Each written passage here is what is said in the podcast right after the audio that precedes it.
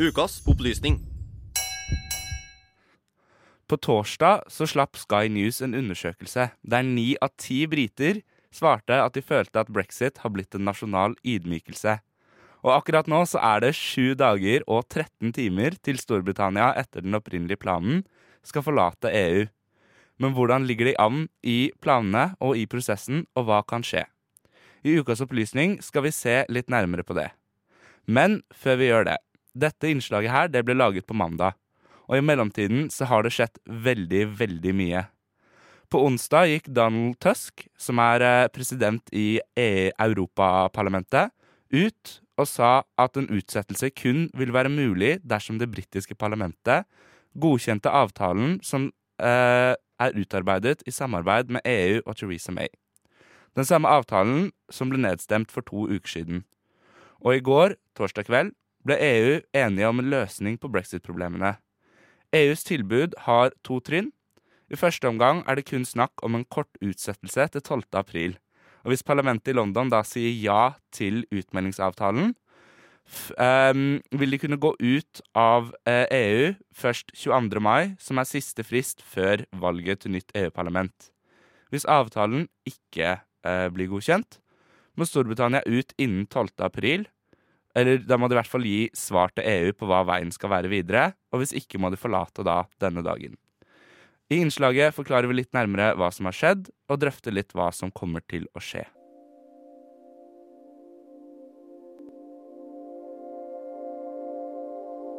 I dag er det akkurat én uke til Storbritannia etter planen skal forlate EU.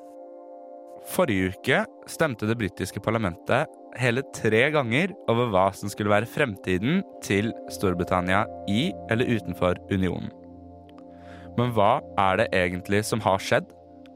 Hva er det som kommer til å skje, og hva kan ligge i fremtiden? For å nøste opp litt i brexit, både historisk og i dag, skal vi i dag i Ukas opplysning ta en liten titt på dette. Storbritannia ble offisielt et medlem av EU i 1973. Og allerede to år etter ble det avholdt en folkeavstemning om hvorvidt dette medlemskapet skulle fortsette. Dette var noe 67% av befolkningen mente det skulle. I 2015 lovte det konservative partiet i Storbritannia gjennom sitt manifest at de skulle gjennomføre en folkeavstemning om Storbritannias EU-medlemskap og dette løftet holdt de. 23.6.2016 gikk det britiske folket til stemmeurnene for å stemme over EU-medlemskapet. Dette valget hadde en oppslutning på 72% og siden jeg står her i dag, er det ingen tvil om hvilken side som vant valget. Det var nemlig Liv-siden som vant med 51,8% av stemmene. Direkte etter valget snudde Storbritannias økonomiske trend seg. Og pundet falt med 19% samtidig som David Cameron valgte å trekke seg som leder av det konservative partiet, og dermed også som Storbritannias statsminister. Theresa May overtok tøylene etter Cameron og gjorde det klart 2. oktober at hun planla å iverksette artikkel 50 i slutten av mars 2017 og dermed startet prosessen med å trekke Storbritannia ut av EU. Artikkel 50 gir Storbritannia og EU to år på å utarbeide en avtale, og satt dermed fristen for å komme til en ny avtale til neste fredag, 29. mars. Theresa May ønsket også å gjennomføre et nytt valg i Storbritannia. Hun forklarte at hun ønsket dette for å få et bredere mandat bak seg under forhandlingen av en ny avtale med EU og avstemningene i parlamentet.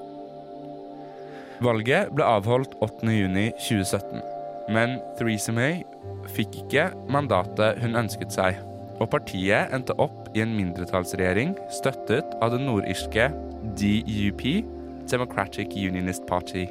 25.1.2019 ble brexit-avtalen lagt fram for det britiske parlamentet. Avtalen møtte ekstrem motstand og ble nedstemt med 432 stemmer mot og 202 stemmer for. The eyes to the right, 202. The nose to the left, 432. Forrige uke var det på tirsdag nok en gang duket for en ny avstemning i parlamentet over avtalen. Selv om den ikke møtte like stor motstand forrige uke, ble den fortsatt nedstemt med 391 stemmer mot 242 stemmer. Mr. Jeremy Corbyn.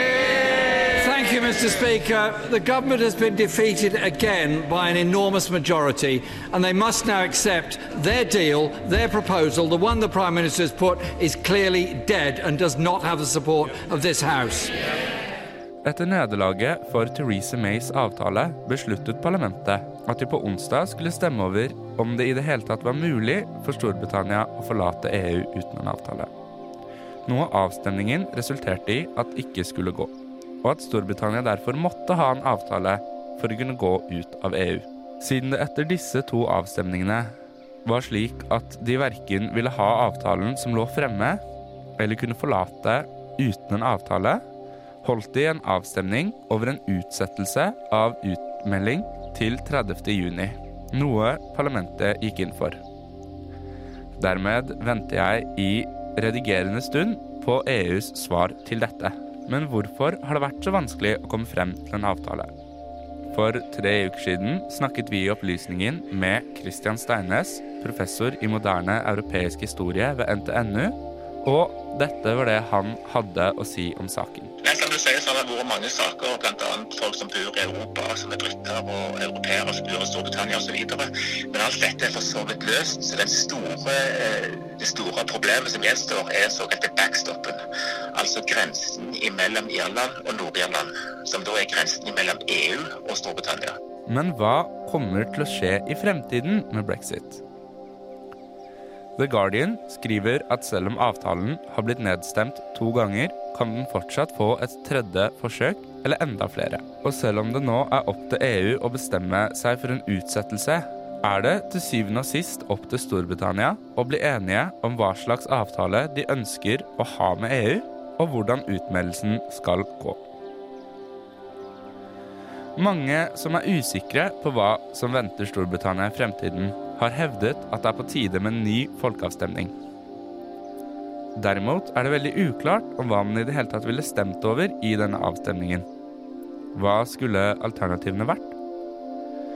Skulle valgmulighetene være Theresa Mays avtale eller å bli i EU?